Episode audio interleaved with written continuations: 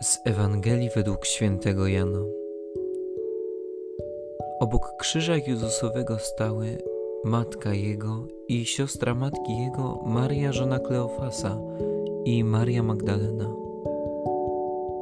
Kiedy więc Jezus ujrzał matkę i stojącego obok niej ucznia, którego miłował, rzekł do matki: Niewiasto, oto syn twój. Następnie rzekł do ucznia: Oto matka twoja.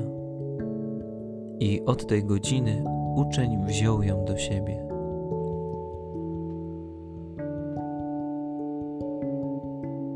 Czy można wyobrazić sobie życie pozbawione bólu i strachu? Czy jest możliwe, by przejść przez świat niedotkniętym przez żadne trudne doświadczenie? Oczywiście, że nie. Gdy tylko ludzie doszli do wniosku, że nie są w stanie uniknąć cierpienia, to niemal natychmiast starali się je zrozumieć. Powstały więc rozmaite koncepcje filozoficzne i różne sposoby patrzenia na ten problem. Jednak choć uchylały one rąbka tajemnicy, to ostatecznie zawsze okazywały się niewystarczające, wybrakowane, nie dające pełni satysfakcji. W dniu dzisiejszym obchodzimy święto Matki Bożej Bolesnej. Na wizerunkach ta najpiękniejsza z niewiast bywa przedstawiana z siedmioma mieczami przebijającymi jej serce.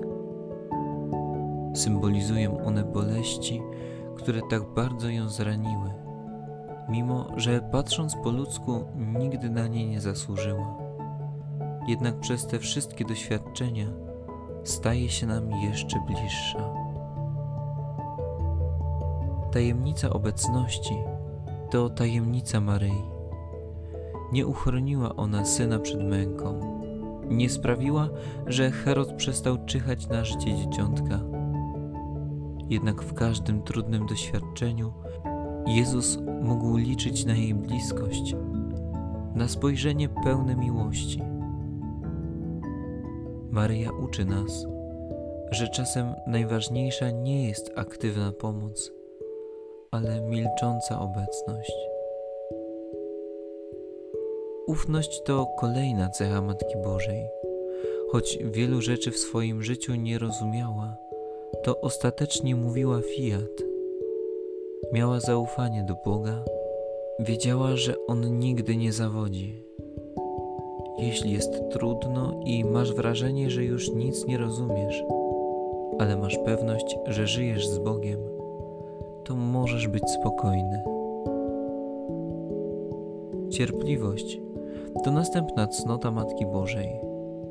Na weselu w Kanie pośród tłumu uczniów, w ciszy zamkniętego po męce grobu. Wszędzie tam czekała. I choć było to oczekiwanie pełne napięcia i strachu, to Maryja potrafiła przez nie przejść. Jeśli w Twoje życie co chwilę uderzają trudne doświadczenia, to nie łam się Każda trudność kiedyś się skończy. Niech obecność najpiękniejszej z niewiast, jej zaufanie Bogu i cierpliwość sprawią, że dziś w Twoim sercu na nowo zabłyśnie światło.